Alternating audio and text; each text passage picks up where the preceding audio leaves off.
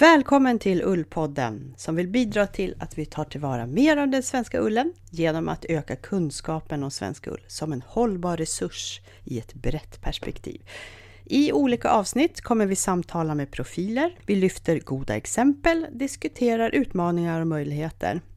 Vi vill sprida kunskap och inspiration som på sikt ökar din kunskap om ull, men vi vill också uppmuntra till innovationer och produktutveckling där man kan ta tillvara den svenska ullen. Du som lyssnar kan vara fårägare, hantverkare på hobby eller proffsbasis eller allmänt intresserad. Ullpodden drivs av Ullförmedlingen, en arena för svensk ull, tack vare bidrag från Nämnden för hemslöjdsfrågor. Vi som gör podden heter Fia Söderberg och Malin Ögland. Våra samarbetspartner Ann-Kristin Hult, hemslöjdskonsulent på Upplandsmuseet och Claudia Dillman, ull och skinnansvarig för Svenska Fårhusförbundet.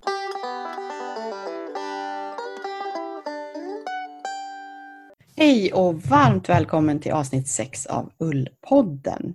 Nu har det blivit höst med besked och temat är idag därför skördetid, höst och ullskörd. Vi kommer träffa fårklipparen Elin Espri och vi presenterar förstås månadens fårras. Vi testar sköna ullskor i Ullpatrullen och vi kommer skicka med lite kunskapstips. Hej Ann-Kristin och Malin som är med oss. Hej hej! Hej!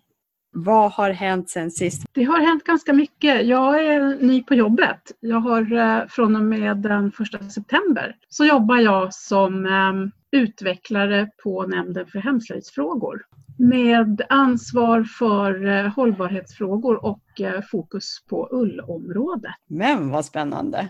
Lysande! Det ska bli väldigt intressant. Eh, Nämnden för hemslöjdsfrågor är ju en eh, statlig myndighet under kulturdepartementet och eh, jag jobbar alltså på Tillväxtverket där vi sitter då. Min uppgift kommer att vara att ehm, samordna och kartlägga vad som händer på ullområdet och möjliggöra möten och få igång en diskussion och seminarier och konferenser runt ull och försöka tussa ihop alla som eh, behöver träffas och eh, utveckla det här stora och intressanta området just nu, för det är, ull är hett. Mm. Men vad spännande. Det, vi har ju pratat mycket om att det behövs en samordning. Det här känns som en viktig pusselbit i det. Ja, jag hoppas ju att eh, den här kedjan, att jag ska kunna på något vis tillsammans med alla aktörer stärka kedjan och, och göra kanske det som ännu inte är gjort och det vi gemensamt ser behöver göras i den här processen. Är det här en projektanställning eller en helt ny tjänst? Det är en ny tjänst. Ah, vad roligt. Så att, eh, jag jobbar halvtid med det här på kontoret i Stockholm. Kommer inte att märkas kanske så mycket av det jag gör i början. Vi kommer inte att kunna vända på steken före jul direkt. Utan det här kommer att ta tid. Jag kommer att resa runt en hel del, både här i Sverige och utomlands. Och eh, jag kommer att dimpa ner hos er där ute. Men um, jag vill träffa er och uh, jag hoppas att ni vill träffa mig. Vad, vad är det första du gör? Första är nu uh, att jag sitter och ska ringa runt till de aktörer som, som jag hoppas vill vara med i det här. Och Eh, Eh, sen ska jag faktiskt åka till Norge på en eh, konferensdag där norsk industri bjuder in till en eh, dag med konferens och där Norge tittar vi ju lite grann på för där har man gjort väldigt mycket. Vi kan inte göra copy-paste på det men man kan inspireras och, och se hur man jobbar just mm. med samma frågor där då. Men vad roligt, grattis säger vi. Mm. Ja, grattis! Tack för det. Ja, Malin, vad händer hos dig? Ja, det händer ju en väldig massa, men eh, på ullfronten så kan jag säga att det mest spännande som har hänt är att jag har börjat att sticka en ny kofta. Jaha, ja men det är stort. Ja, det är det. Jag följer mönster också, vilket är också inte alltid är fallet och då kan det bli med varierande resultat. Men nu så har jag goda förhoppningar om att det här kan bli kanske snyggaste koftan ever. Det är ju imponerande. Jag har aldrig någonsin stickat en kofta i hela mitt liv. Det är, jag är imponerad verkligen. Nej, det är inte första, men när jag tänker imponerad så är jag imponerad av dig som började med eh, att sticka ett par vantar med fem stickor som det första projektet. Helt otroligt. Det var tack till mamma där kan jag säga. Det var ju väldigt svårt att hålla i de där stickorna i början men till slut så flöt det liksom på och det var, ju, det var så kul att sticka vantar för att det gick ju ganska fort också. Det var svårt att hålla i stickorna i början, jag medger det. Mm. Och du då, Fia? Visst var du på ull-SM? Det är ju flera evenemang här under hösten i Ull-Sverige och ett av dem är ju ull-SM eh, där man tävlar i ull och man tävlar också i handspinning. Det är ull och spinn-SM kallas det för. Jag var där och försökte också sänd, göra lite livesändningar för Ullpodden men det gick så där. det vart ingen vidare kvalitet. Jag fick en fråga när jag var där ifrån någon av våra lyssnare om hur bedömningen går till. Så jag tänkte berätta lite grann om det. Och det var ju ett 20-tal fällar som hade lämnats in och de ska man ju skicka in i förväg då så att den här juryn har tid att gå igenom dem ordentligt. Det är alltså ullen som är klippt från fåret som man då kallar för fäll. Ibland sitter den ihop, ibland sitter den inte ihop. Men det man ska skicka in då det är liksom hela, all ull ifrån ett får, från ett klippningstillfälle. Och den här fällen då kommer då tävla i en kategori och i år så var det fyra olika kategorier. Lantras, urtid, gobelängkänsla var en, jämtlandsfår hade en egen kategori i år och finullskänsla. Och sen är det en jury som går igenom väldigt noggrant varje fäll men varje vinnare då får en kort motivering till varför man har vunnit. I det här protokollet så går man igenom fällen är ojämn eller jämn, om den är finfibrig, grovfibrig, lång, kort, om den är typisk för kategorin då, om den har en tydlig stapel och lock, om den är stark, om den är svag, om den är spänstig, om den har sköra toppar, om den är filtad, eh, liksom ihoptovad.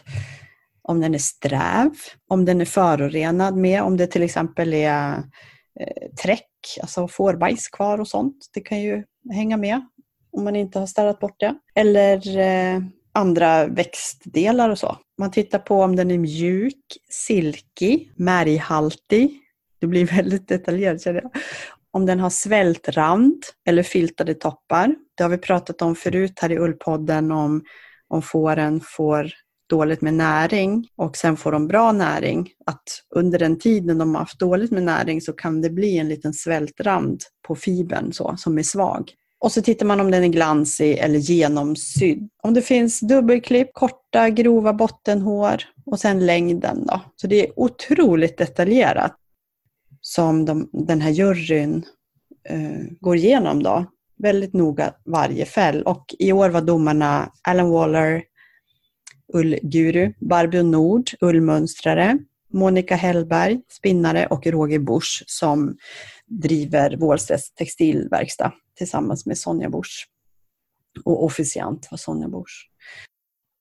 Sen eh, så säljs ju de här fällarna som vinner då, får priser på auktion under själva ull-SM. Och i år gick den dyraste fällen för 1400 kronor och det var en grå Jämtlandsfäll ifrån Birgitta Eriksson i Härjedalen. Bedömer man samma Eh, kategorier varje år eller har man nya kategorier nästa år till exempel? Sist jag var med så var en kategori crossbred, vanlig kategori man använder i Norge för olika typer, ja korsningsull, men då var också Jämtlandsullen i den kategorin när jag var med. I år var det ju föreningen Ullvilja som arrangerade tillsammans med Wåhlstedts. Jag hörde lite skvaller om att det kanske, kanske kommer att dyka upp på ett annat ställe i landet nästa år. Och då menar du själva ull-SM alltså kommer att kanske vara någon annanstans? Ull-SM kommer kanske vara någon annanstans. Du, får jag fråga dig eh, Fia, förra avsnittet så pratade vi ju om en del om konsekvenserna utav den här eh, varma sommaren och bristen på bete och eh, konsekvensen för ullkvaliteten. Mm. Mm. Kunde man se nu någonting om att det var, var det, var det färre fällar eller mm. och det här med ja, fältbranden det... som du sa, liksom, kunde man se det? Ja, det var färre fällar och jag vet lite personer som inte var med för att de inte tyckte att de hade någon bra ull i år. Mm. Så att det, visst har det påverkat. Det har Mm. det. Mm.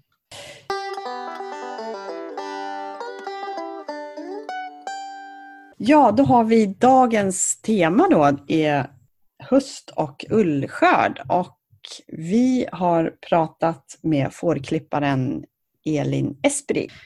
Elin var också med i klipp-SM och fick medalj. Så att därför är jag nyfiken på att få höra mer eh, ifrån henne.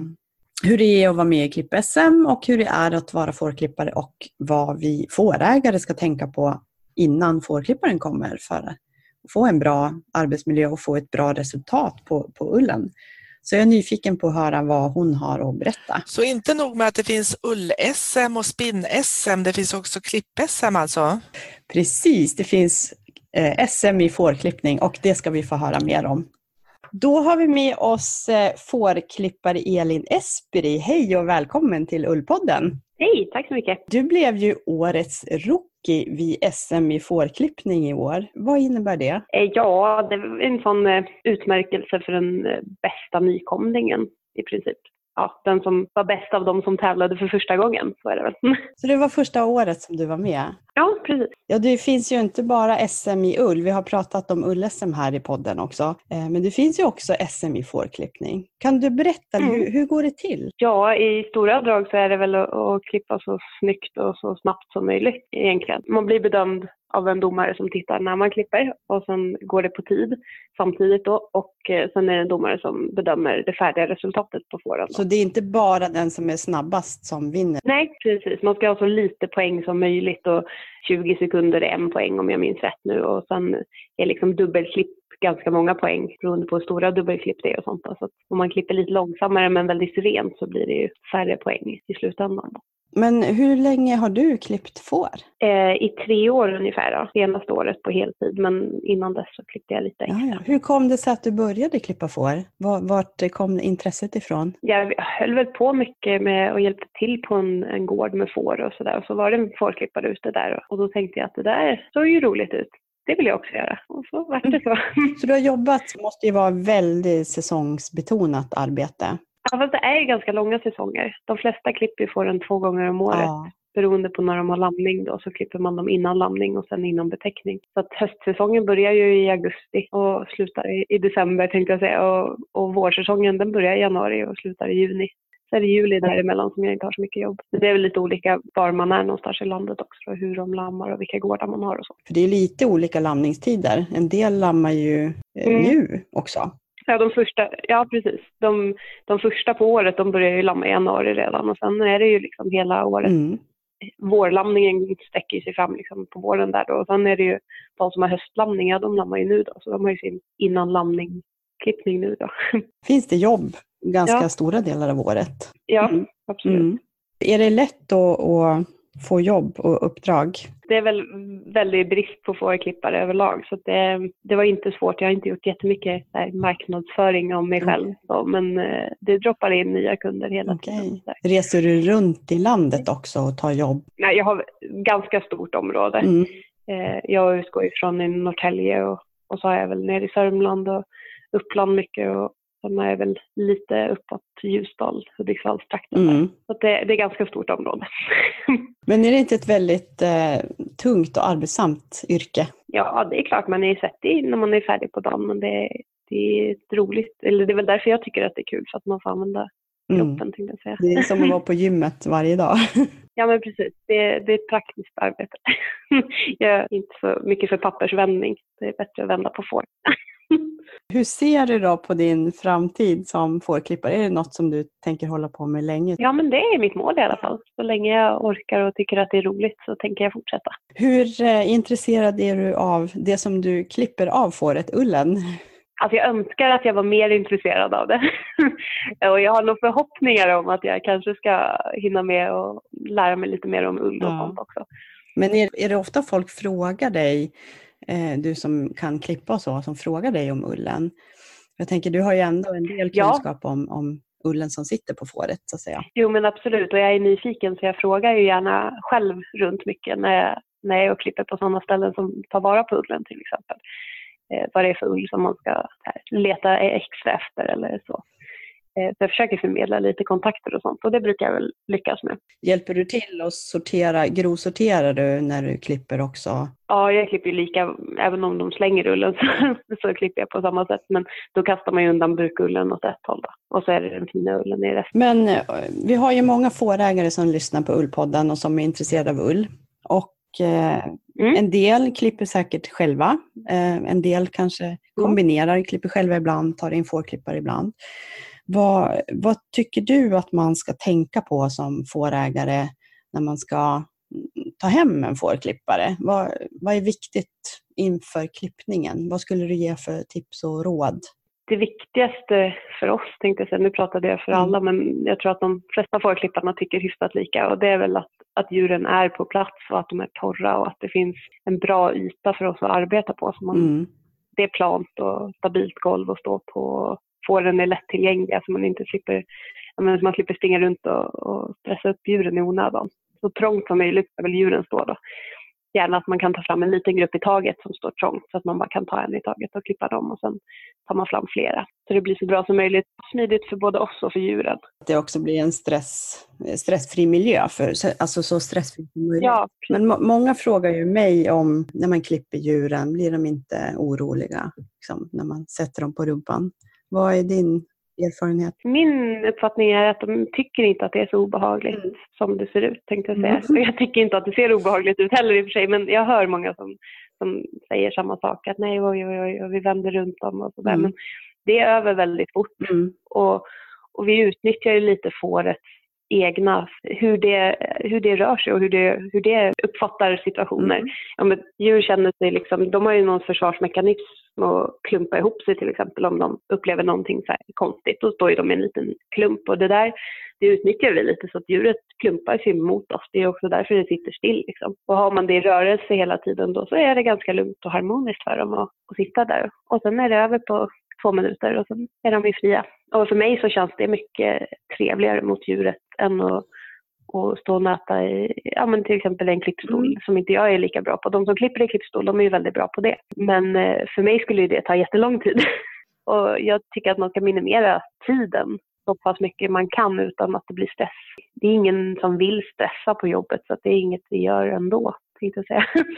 vi vill ju ha en trevlig arbetsmiljö. Jag klipper i klippstol när jag klipper själv inför lamningen då och tar mm. upp dem en och en och då tar det ju ganska lång tid. Dels så tar det längre tid när de står upp på det sättet jag har ju provat också när de sitter ner och det går ju liksom smidigare, men för mig är det ju så jobbigt för kroppen. och jag, jag som är amatör. Ja. Liksom. men det, då tar ju också tiden att gå, gå igenom hela djuret och klövar och liksom ha lite hälsokoll samtidigt. Och jag menar inte att det är något negativt att, klippa i en klippstol. Det är, och är djur vana vid en sak så är det ju inget konstigt för dem. Djur som är vana att gå i en ränna, de går ju lätt genom en ränna. Men djur som inte har gått genom en ränna någon gång, då får man ju stå där en timme för att få igenom dem. Så att är de vana att stå på en klippstol så är det ju heller inte så obehagligt Nej, för dem. Liksom. Och har de blivit klippta sittandes så kommer de ju ihåg att det, det är kanske ja. första gången som som de undrar vad, vad är det här? Precis, lamm brukar ju sprattla lite ja. extra mycket liksom, men det, de, är, de är glada och pigga och vilda. Mm. Men visst är det så att ni har ett väldigt, eh, ska jag säga, ett väldigt strikt schema hur det går till att klippa? Att ni gör exakt på samma sätt med mm. varje får. Kan du berätta lite om det? Ja, alltså det är ett mönster som vi går efter eh, när vi klipper. Så man börjar med magen och sen går man ut på, på ena låret och sen tar man upp i, i nacken och sen arbetar man sig ner på ena sidan och sen vänder man liksom på fåret. Allting går som i en cirkel eh, och sen ner på sista sidan och sen är det färdigt. Ja. Och sen har fåret alltid mm. stöd mm. av eh, din kropp? Ja. Det ligger ju liksom på, man har ju alltid någon fot under fåret nästan. för att liksom få upp det från golvet lite. Så att det, håller man klövarna borta från någonting så brukar de sparka mindre. Men får de fäste mot något då börjar de sparka. Men hinner man sortera ullen då? Om man ska ta tillvara ullen och du är och klipper, hinner man med liksom och sortera då under tiden? Absolut. Man, det, i, I de bästa scenarion tänker jag säga. Om fåret har suttit still och jag har gjort mitt jobb rätt så, så är ju allt förutom bukullen ligger i, i en hög liksom, när det är färdigt. Det hamnar i mitten av arbetsytan. Och då är det bara att ta hela högen därifrån och så lägger man upp det på ett sorteringsbord eller vad man väljer att Mm. göra. Eller grovsorterar och bara tar bort rumpullen kanske och sen lägger i en säck på en gång. Du säger att det ska vara torra djur, de ska gärna stå ganska tätt så ni slipper springa och jaga dem. Eh, Hur, ser din arbetsmiljö ut? Varierar det mycket? Ja, men det, det är klart att det varierar. Det finns ju mycket, mycket okunskap tänkte jag säga. Men om man inte vet så är det ju svårt att göra rätt. Men de eh, allra flesta de rättar ju sig när man förklarar hur man vill ha det. Eh, och det har jag ingenting emot, liksom, att man inte kan på en gång. För alla är barn i början. Så. Eh, men så jobbar man ihop ett, ett sätt som fungerar just på den gården. Ingen gård ser ju likadan ut. Och det är ju allt från att åka och klippa tre får på ett ställe till att klippa hundra på nästa ställe. Så det, man måste ha lite ol- olika varianter. Men om du ska klippa hundra får då, hur, hur mycket tid har, avsätter du för det? Är det en dag eller? Ja, Mm. det är väl en dag för Mm. mig. Sen finns det ju de som, som klipper många fler på en dag. Men eh, jag har väl, mitt personbästa är 130 så där någonstans är jag. Och då sover du gott sen. Jajamän! och så är det en ny dag dagen efter. Men är det så att eh, det finns en väldig efterfrågan på klippare och att det behövs verkligen flera i landet? ja, ja, men det tror jag. Och det upplevde jag också när jag kom in som ny fårklippare. Alla var otroligt vänliga och hjälpsamma. Alltså de redan befintliga fårklipparna och tog med en på gårdar Mm. och, och hjälpte en och rekommenderade den till kunder och sånt där. Så det, det finns ingen riktig konkurrens mellan fårklippare. Man hjälper varandra. Ja. Alla är väldigt snälla och hjälps åt. Ja. Ja. Men gick du någon utbildning då?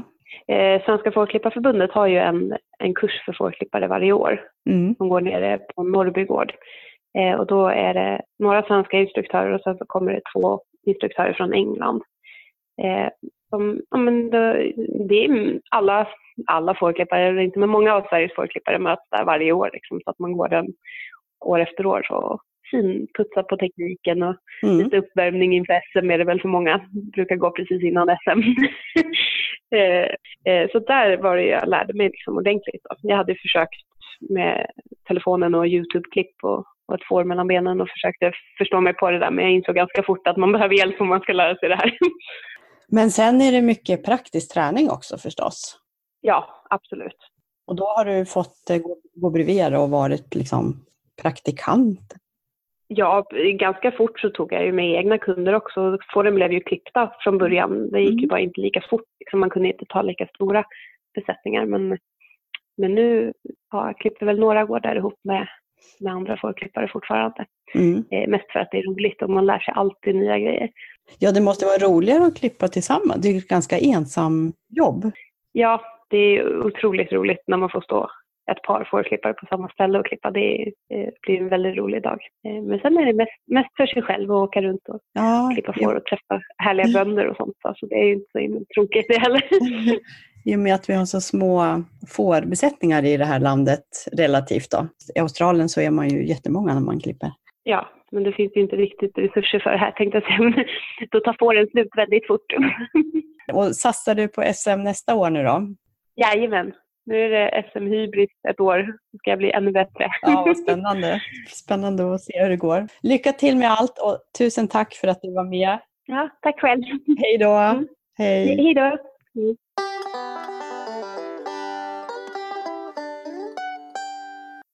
Nej, jag ska ju klippa mina egna får också i nästa vecka så det blir väldigt intressant att se hur ullen är.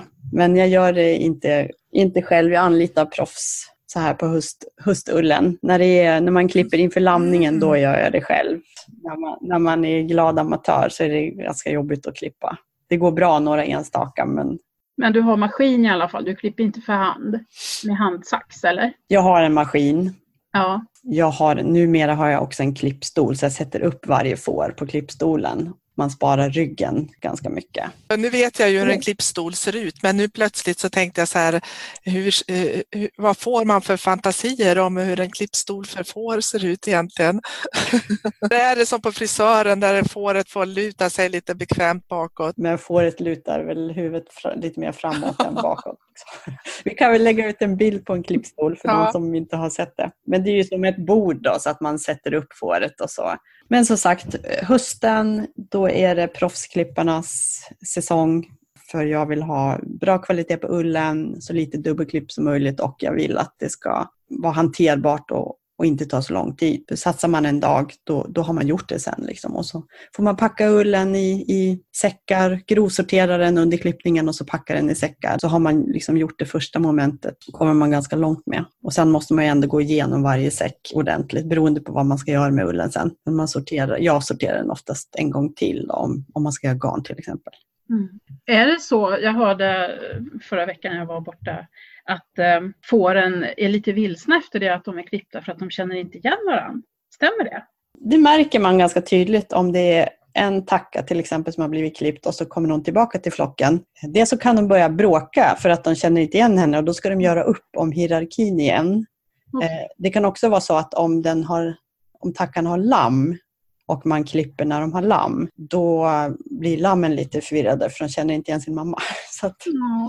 Fast det är också en anledning till att man försöker undvika att klippa när de har små lamm. Ja. Så man inte ska störa deras relation. Liksom. Det, identiteten sitter i ullen. Det är utseendet som räknas alltså? ja, precis. Ja, oh, det var inte själen den här gången heller. aj, aj, aj. Ja, nu har vi ju då klippt ullen på alla möjliga olika håll och kanter i landet och eh, då vill man ju gärna sälja den, eller hur? Vad finns det då? Kanske har vi en digital ullmarknad på gång, kan det vara så? Som vi berättade i förra avsnittet så har vi ju fått eh, medel, finansiering för att ta fram en eh, digital ullmarknad, en plattform där man ska kunna sälja och köpa ull på ett enkelt sätt. Än så länge är ju inte den här digitala ullmarknaden klar. Det kommer ju inte komma förrän nästa år. Men eh, under tiden så finns ju den här Facebookgruppen där man kan sälja och köpa ull. Alla är ju välkomna att bli medlemmar i Facebookgruppen Ullförmedlingen där man kan sälja och köpa ull. Det är ju många fårägare som lägger upp annonser eh, som säljer direkt till, oftast är det privatpersoner, det finns en del företagare också som köper upp ull. Så det är ju ett tips just för tillfället då att vill man sälja sin ull att gå in och lägga in annonser och ta bilder på ullen och försök att beskriva den på ett så rättvist sätt som möjligt. Och just höstullen är ju väldigt attraktiv för många som köper ull i gruppen är ju just eh, handspinnare eller tovare eller jobbar med hantverket på olika sätt. Och hur går det nu då med den här eh, plattformen nu? Du har börjat eh, med den. Ja, precis. Det arbetet har ju startat nu i september och det som händer först då, det är att vi har ute en enkät för att vi vill eh, veta mer om vilka behov och utmaningar man har som köpare eller säljare av ull. Vill du vara med och eh, bidra med dina kunskaper och eh, eh, synpunkter så gå jättegärna in och svara på de här frågorna. För det blir ett väldigt värdefullt underlag att ha sen när vi ska ta fram den här plattformen. Och det är ju ett lokalt perspektiv, så särskilt du som bor i Uppsala kommun, Östhammars kommun, Sigtuna och Knivsta kommuner är varmt välkomna till att eh, delta i projektet och svara på frågorna. Men vi tar också emot svar från andra folk som bor i andra kommuner. För det är väl, blir ett väldigt bra underlag eh, till framtiden. Och eh, vi har redan fått in en massa svar och det är jättespännande att läsa. Och ja, jag får återkomma med att berätta sen hur, vad resultatet blir ifrån den här enkäten. Men det som är slående just nu är att, att folk eh, har köpt ganska mycket ull det senaste året? För det är en fråga. Många skriver liksom 50 kilo, 100 kilo var det någon. Och det är inte bara privatpersoner som svarar, så det är väldigt blandat och det är jättespännande. Du, bara för tydligheten, är det en enkät eller är det två enkäter? Det är en enkät för dig som är fårägare som säljer ull. Och sen är det en enkät för dig som köper ull. Du kanske är hantverkare eller uppköpare på något sätt. Eller spinneri kan det vara också. Och om du är nyfiken på vart man kan sälja sin ull så finns det en ullkarta som Svenska Fåravelsförbundet har tagit fram där de har listat uppköpare av ull på en karta. Vi kan lägga ut en länk till den. För mm. där, där finns de de största eh, aktörerna i landet som köper ull. Så, men vi kan länka till det om det är så att man känner att man skulle vilja sälja sin ull. Till. Var hittar man enkäterna? Enkäten hittar du på Ullförmedlingens eh, webb, webbplats. Bra. Vi lägger ut en länk till enkäterna också i, på Ullpoddens Facebook-sida.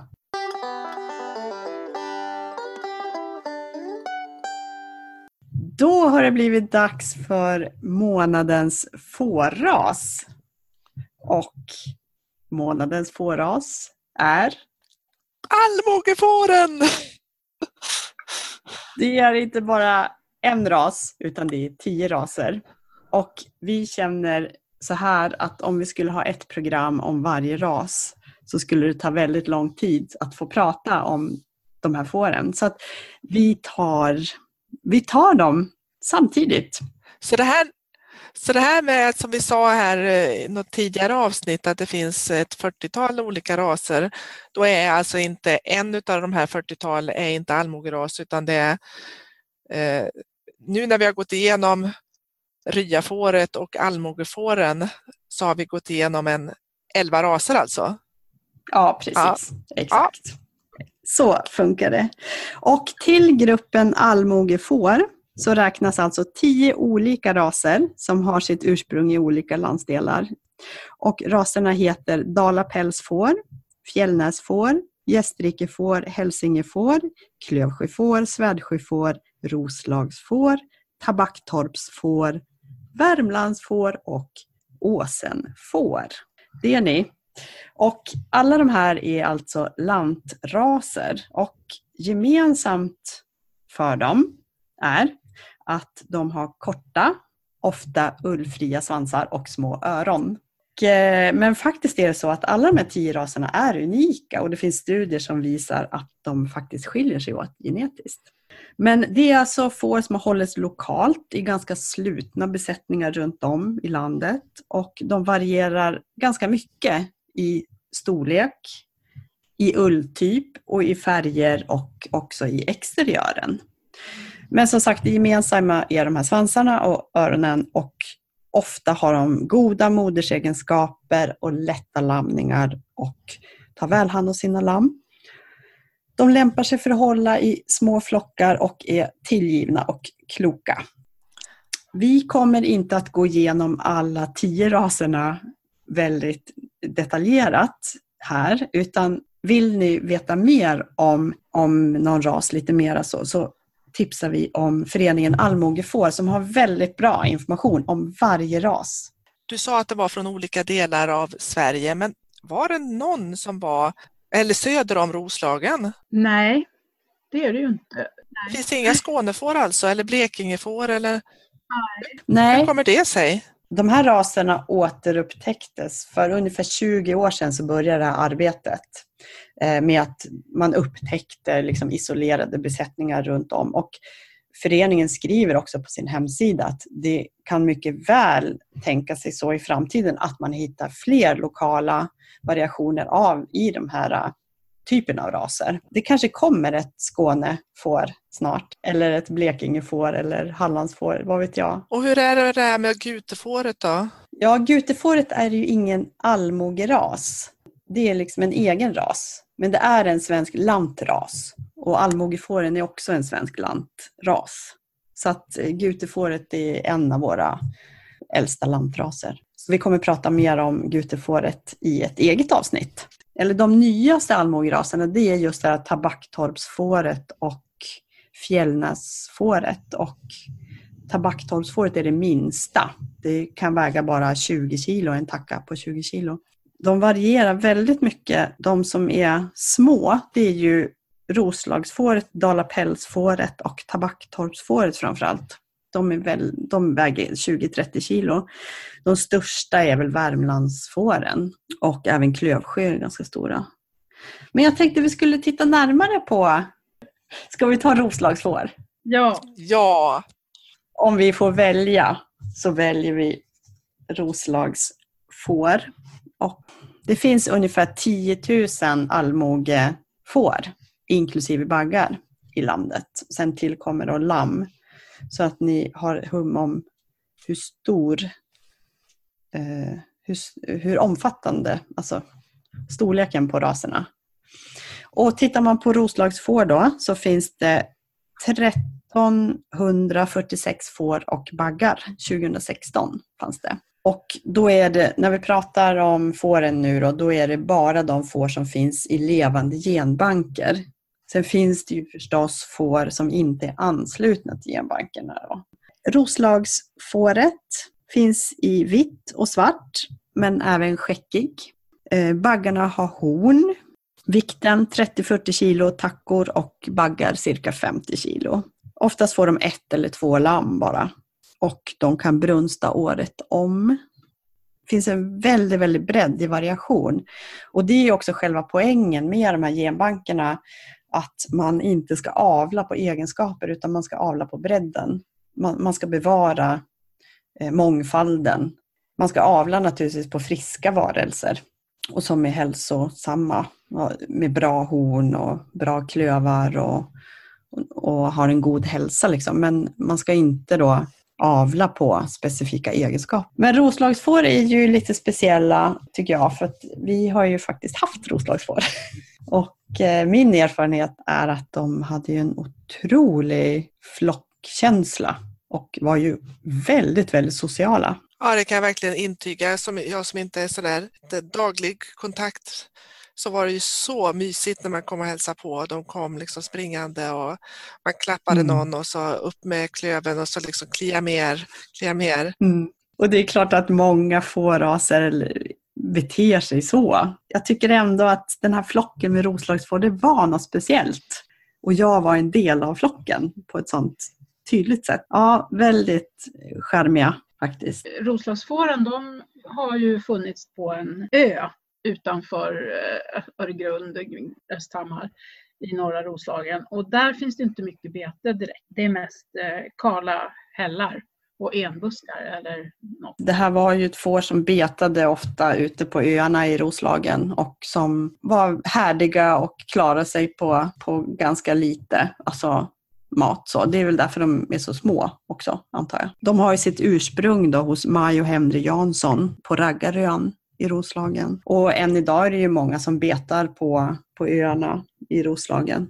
Körs runt i små båtar. Och, mm. Precis. Och de var ju, den ullen har ju också använts till de här båtryerna här uppe i Roslagen. Så det är mm. väl mycket därför också de har kunnat bevaras så. Mm. De har haft, ullen har haft ett tydligt användningsområde. Flitigt ullen till, till allting då. Mm min erfarenhet är att lammullen är ju helt fantastiskt mjuk och eh, fin. Och den, den, har jag sålt väldigt mycket av också. Sen kan vuxenullen kan bli väldigt sträv och särskilt på de svarta individerna och inte alltid så lätt att tova. Men visst har du tovat Malin med Roslagsullen? Ja, det har jag. Absolut. Ja.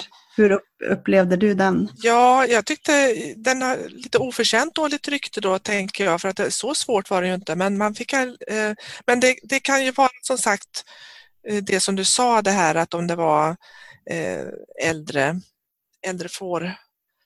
så, så var det lite svårare, lite grövre mm. så. Och det varierar väldigt mycket. Och det är väl också karaktäristiskt för allmogefåren att det, de varierar så otroligt på individnivå.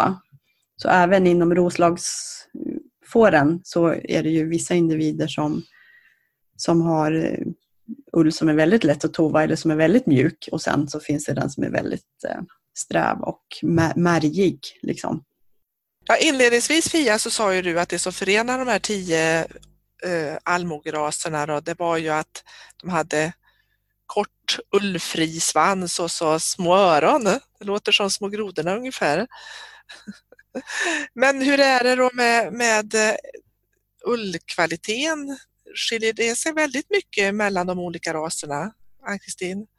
Ja, visst gör det ju det, men grunden är väl kan man väl säga, alltså de här fåren härstammar ju från vikingarna från början och har ju kusiner över hela norra delen av Europa. På Island, på Shetlandsöarna och, och eh, Färöarna och så. Och de har ju överlevt tack vare sin ull många utav de här eh, på öarna och så, de går ju ute året runt och det gör ju att ullen, alltså de har ju ett väldigt skydd i sin ull. Och eh, ullen består ju utav bottenull som är mjuk och finfibrig längst in mot kroppen och sen har de täckullen, täckhåren som är långa och glansiga och som, ja, som ju tjänar som en regnrock i princip och mot snö och allting. Man, ju, man kan se bilder ifrån Island till exempel där de ligger ute i snön och, och eh, det, de är skyddade tack vare den här ullen. Och eh, förr sades det ju att en gård eller en familj behövde fyra får för att klara sig året runt. Och då fick man ju, då särade man ju ofta på den här ullen och, och gjorde tunna, mjuka, fina, mjuka tröjor till exempel eller så underkläder och så utav bottenullen och täckullen fick bli lite grövre, kanske vadmalstyger eh, och det här grova som man behövde för att slita på så att säga. Så att eh, den här ullen från de här olika fåren, den är ju väldigt eftertraktad bland handspinnare skulle jag tro framför allt. Eh, och det är ju mycket tack vare variationerna som finns. Från det allra, allra mjukaste till ja, det vi kallar för svintotypen då som är väldigt eh, långfibrig, glansig och slitstark. Och det går ju att göra väldigt mycket olika eh, slutprodukter utav den här ullen. Så att eh, det gäller att hitta hitta, hitta rätt får faktiskt egentligen. Därför att på samma får så kan det ju utöver att de kan skilja väldigt i färg så kan det ju också finnas allt ifrån finullstyp med gobelänginslag, alltså lite grövre lockar, ända ut till ryaull på samma får. Och eh, det gör ju att det blir ju unika individer och också unik ull. Så att eh, jag tror att eh, intresset för de här fåren och för den här ullen ökar hela tiden. Och eh, jag kommer ju lite längre fram här senare berätta om eh, en resa som jag har gjort på, till Hebriderna där vi bara pratar om den här typen av eh, fårraser.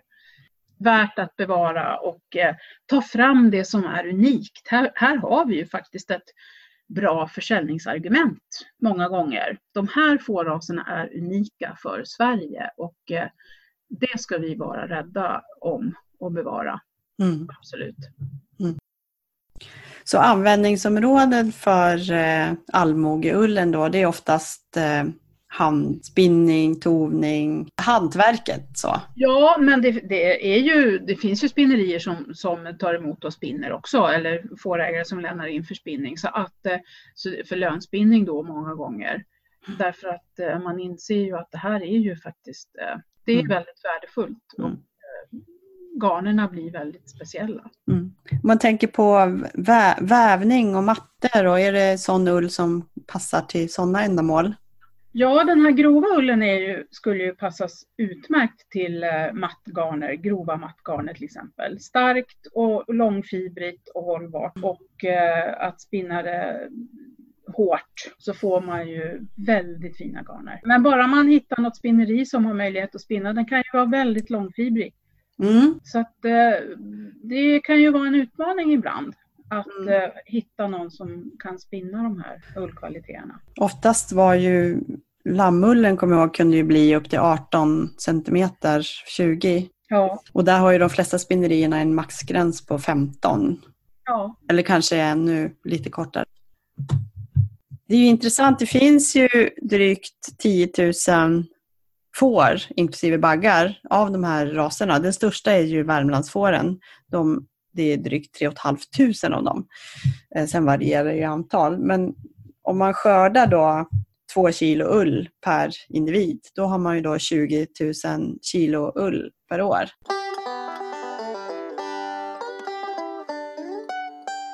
Nu har vi med oss Josefin Valtin här i Ullpodden som är handspinnare, spinnlärare och eh, Youtube-bloggare kan man väl säga. Hej Josefin! Hej Fia och Ullpodden! Vi har ju hört talas om att eh, du har en eh, produkt som vi gärna skulle vilja veta mer om i Ullpatrullen. Vi testar ju olika produkter som är Mm. gjorda av ull.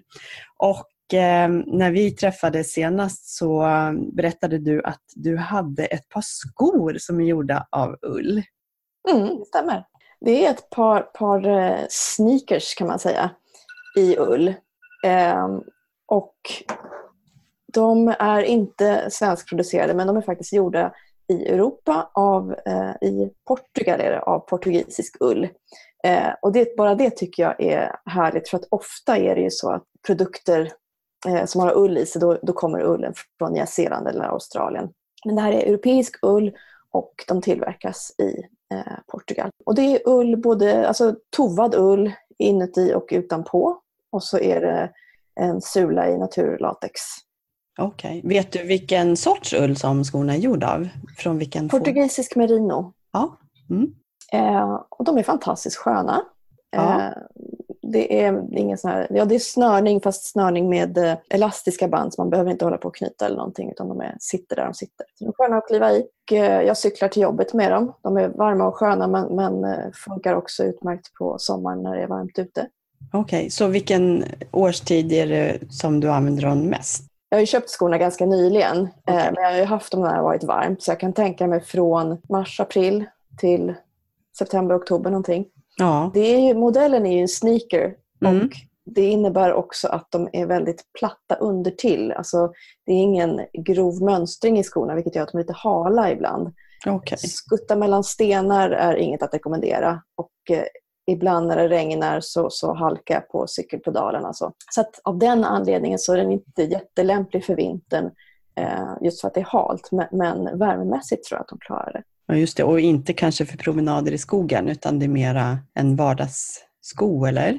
Ja, jag skulle tro det. Nu har de precis lanserat en, en högre modell som är mer som en basketkänga som Mhm. min man har beställt. Så vi får se lite grann när de kommer om, Mm. om det är lite grövre mönstring i dem. Och de lär ju vara lite varmare då också. Ja.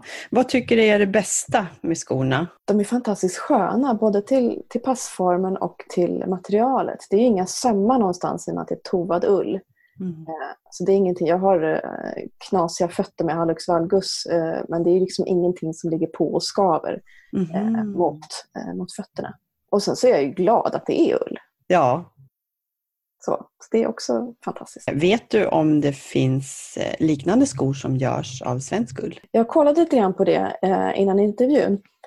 Och det finns ju och har väl funnits i många, många år eh, ulltofflor Mm. av filtad ull Mm. eh, i Sverige med flera olika eh, tillverkare. Mm. Och jag har också sett stövlar, vinterstövlar, vinterkängor eh, i ull. Men just den här sneakermodellen som man kan ha Mm. en stor del av, av eh, det varmare halvåret har jag inte sett i Sverige. Lite lättare skor. Vi kan lägga ut en bild sen på, på skon Mm. så får vi se Mm. hur den ser ut. Precis. Men om man tänker på det här med, med ull, då, vi pratar ju ofta om ull, att det är hållbart material och det har så mycket positiva egenskaper. Om man tänker hållbarhet, och hur länge håller ett par sådana här skor? Vad har de för livslängd tror du? Jag vet faktiskt inte. Nej. Jag köpte dem som sagt ganska nyligen men, men eh, Men hur tror du att de slits om man tänker på materialet? Är det, det kanske inte är ullen som slits i första hand? nej, nu märkte jag i och med att jag cyklar så märkte jag en liten slitning under till eh, under sulan Mm. från, från eh, liksom pedalmönstringen. Så det är det första tecknet på att någonting är påverkat på skon. Och jag tänker om, om det skulle gå sönder något på ullmaterialet, då Mm. är det ju kanske lätt att laga det. Ja, faktiskt. Med, med, med en, en eh, nålfilt, eller Ja. filtnål heter det. Eh, absolut, vilken bra idé. För jag tänker när man tovar, nu är jag ingen expert på tovning, men jag har ju förstått att bli, om det blir hål och sådär så kan man liksom tova igen dem med, Ja. med ny ull. Liksom. Ja, att varför det inte? liksom kan binda ihop sig på nytt. Mm. Jag kan tänka mig om man har eh, skor som är lite, lite för små så att liksom tån inifrån, stortån, eh, gnager hål. Det skulle jag kunna tänka mig att, att det kan bli eh, en, slitning där. Du nämnde något om dina fötter, att du hade lite problem med, med foten. Ja, Eh, precis. Är det sån, en sån här liten knöl som blir som Ja. gör, gör ont? Precis, och då om det ligger en, en söm rakt på där så kan det göra ont. Men här finns det inga sömmar någonstans. Eh, Och jag får i mina, mina formgjutna eh, också. Det måste ju vara en väldigt bra lösning för alla personer som har det här problemet, för det är ju Precis. ganska vanligt. Absolut. Att, vad kallas det för sa du? Hallux valgus. Mm. Eh, stortån är, är, står snett eh, utåt vilket gör att kna, knölen också bli, blir mer, mer eh, framträdande och då kan det vara så att en, en söm skaver på knölen. Så de är helt sömlösa alltså? Så.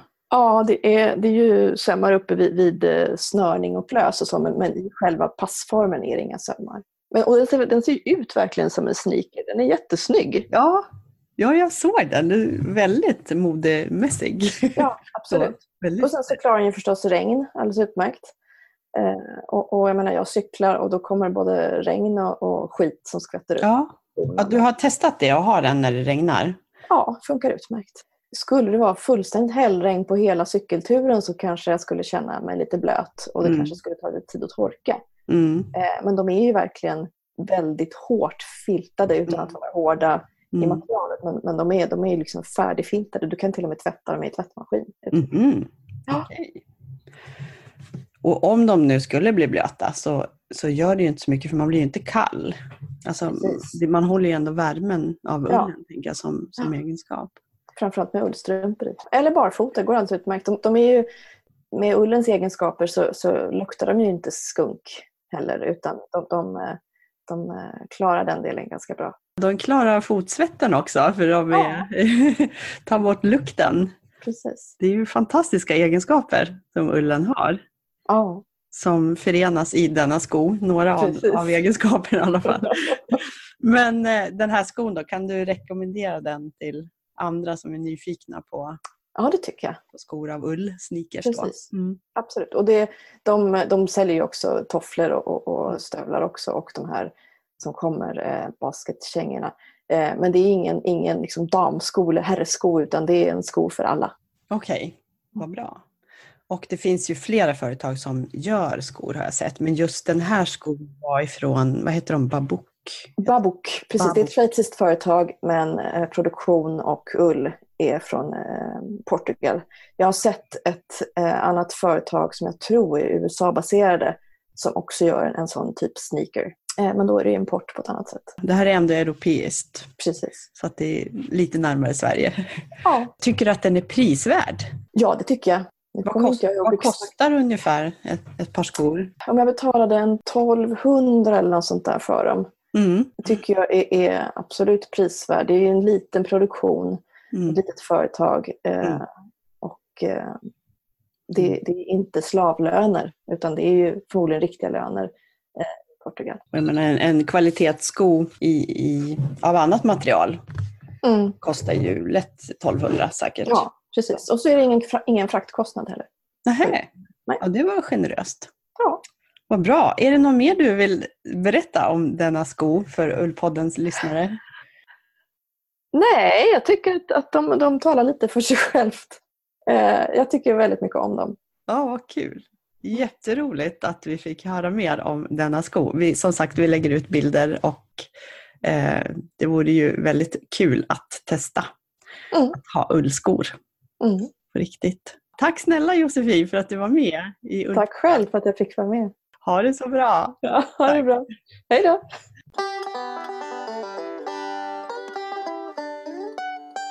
Men då ska vi gå över till dagens kunskapstips.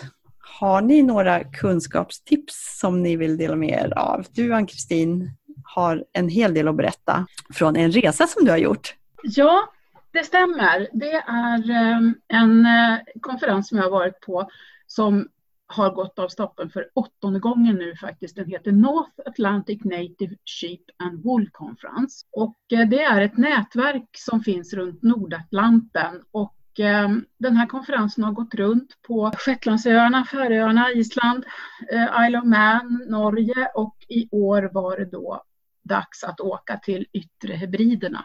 Vi var 75 personer ungefär som tog oss dit och där handlar det ju om att verkligen eh, diskutera utmaningarna för de här kortsvansade fåren då som är arvet ifrån vikingarna. De eh, har ju funnits i alla tider och eh, speciellt på öarna då så, så är de ju verkligen isolerade. Nu finns det ju flera fåraser på till exempel ytterhebriderna.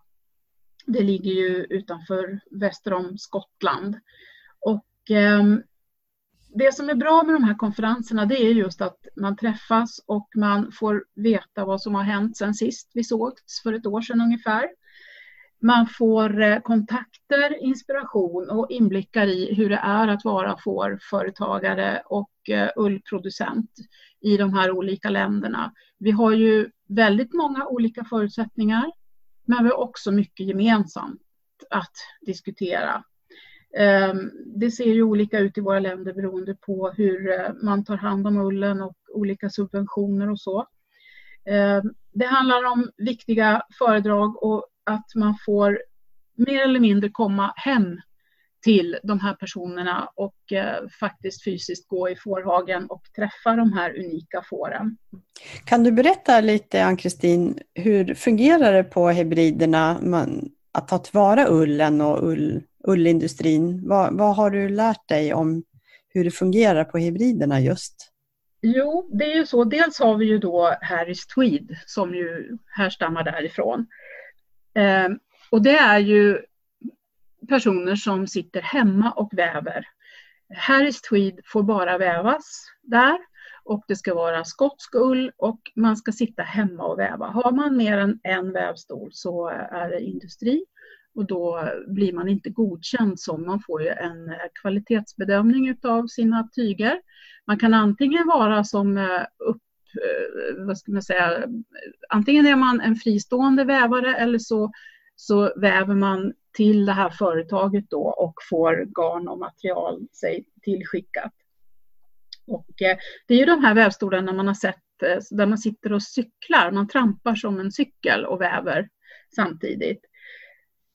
Och eh, vi var ju hem till en sån här väverska och vi var också på museet i eh, Stornoway som visar historien runt det här tyget då som vars eh, succé eh, återkom nu på eh, 2000-talet från att ha varit nere i botten under några år så, så eh, ser man ju nu här i Tweed i stort sett överallt i Skottland. Så att där har de verkligen lyckats. Men det, det vi också besökte var ett eh, spinneri som har nu funnits i kanske tre eller fyra år, Uist Wool. Det är ett litet spinneri, ett socialt företag där alla jobbar gemensamt med samma löner och eh, de försöker köpa upp all ull som finns på hybriderna och göra garn utav det. Alltså att man tar tillvara så mycket som möjligt. De har ett spinneri, de har en butik och tvätteri och eh, jobbar på med att verkligen, de är duktiga på marknadsföring. De eh, har verkligen förstått det här med att deras garner är unika och lyckas också få kunderna att inse att det här är det här garnet finns bara nu och eh, det kommer inte att finnas om en månad utan den här blandningen av olika raser, fåraser och ull har vi gjort nu och ehm, ja, det, det var spännande att eh, besöka dem och se hur de jobbar tillsammans. Men vad, vad, finns det för fårraser på hybriderna? Är det bara sådana här kortsvansade nordiska får eller finns det det finns ju, dels finns ju den här eh, Hebridian Sheep då naturligtvis, det, det är ju en utav dem. Sen eh, finns det ju andra eh, fåraser också och de försöker ju då i spinneriet ta vara på även den ullen och blanda, göra blandningar i garnerna så att det blir det absolut bästa. Vi var också och såg en liten, liten flock Zoe-får. Alltså det är ju en eh, väldigt gammal fåras då som härstammar ifrån Sankt Kilda, en ögrupp ännu längre bort, som eh, numera går vild ute på den ön och eh, de är väldigt skygga, små och eh, har en fantastiskt mjuk fin ull. Så att eh, man tar, försöker ta vara på det som är, är exklusivt och det som är speciellt för de här fåren. Men att man vill ta vara på så mycket ull som möjligt ifrån öarna. Det... vad, vad, gör man sen med ull? Exporterar man garner och är man liksom på den internationella marknaden? Mm. Ja. De har ju inte så stora alltså partier blir det ju inte utan eh, de eh, använder ju så mycket som går och eh, har en, en bra webbutik där garnerna säljs mm. över hela världen. Och det hette Wistwool? Uistwool. Uistwool. Mm. Vi kan väl lägga ut en länk kanske till det? Gör det. Mm. Det här Swai-fåret, eller hur uttalar ja. du det? Mm. Det var ju det jag pratade om i ett av de första Precis. avsnitten av podden, det här fåret som var ifrån bronsåldern. Mouflonfåren. Mm. ja. Men de var fantastiskt att se. De är svarta, eller hur? Nej, bruna. Nej, de är bruna. Mm. Ja, de kan nog vara lite brunsvarta. Mm. Vad heter det här fåret som har många horn? Alltså, det finns ett får som kan ha... Ja, det var Isle of Man, Mankslochten. Okay. Där vi var förra året, som kan ha ända upp till åtta horn. Jaha. Ja. Okay. Verkar användbart man kan väl sammanfatta den här konferensen som jag var på med. Temat för året var envishet. Mm -hmm. Och det säger en hel del om eh, hur eh, man fångar upp det här engagemanget och hårt arbete i kombination med hängivenhet och en stark tro på att det här ska gå. Mm. För det är ofta det vi pratar om när vi ses, att många stretar men det är ju just de här tillfällena man får tillsammans som gör att man orkar jobba vidare och, eh, och stärker varandra helt enkelt. Det är väldigt viktigt. Mm. Träffas man över generationerna? Är det nya generationer som kommer in i de här sammanhangen? Ja, det var, det var spännande att träffa många yngre också. Och eh, det här är ju, deltagarna kommer från hela världen, bortifrån Australien och Nya Zeeland och USA och så också. Och eh, i år så hade vi med oss Louise Scolley som eh, driver bloggen, eller podden eh, Nick British. Och hon har bestämt sig för att eh, bara sticka i brittiska garner. Och hon har också gjort på sin podd en eh, undersökning där man som eh, stickare då får eh, komma med kommentarer om månadens garn. Om det är sticksigt då, vad som händer när man har tvättat det och allt sånt där. Väldigt inspirerande att lyssna på. Så att um, har ni möjlighet så gå in och lyssna på podden 19 British. Så med, med envishet och engagemang så kommer vi nå långt? Som vanligt så är vi ju jätte jätteintresserad av att höra vad ni lyssnare tänker och tycker om det vi har sagt och om ni vill kommentera någonting så gå in på vår Facebook-sida och kommentera gärna. Mm. Mm. Absolut. Vad bra, men eh, då tror jag att vi säger tack och hej för denna gång så ses vi om en månad igen. Ja, det gör vi. Det gör vi. Ha det så bra! Hej. Ha det gott! Hej! Avsnitten hittar du på www.ullformedlingen.se och du kan också följa vår Facebook-sida Ullpodden där vi publicerar länkar och bilder som anknyter till det som vi har pratat om. Ha det så bra! Hej då!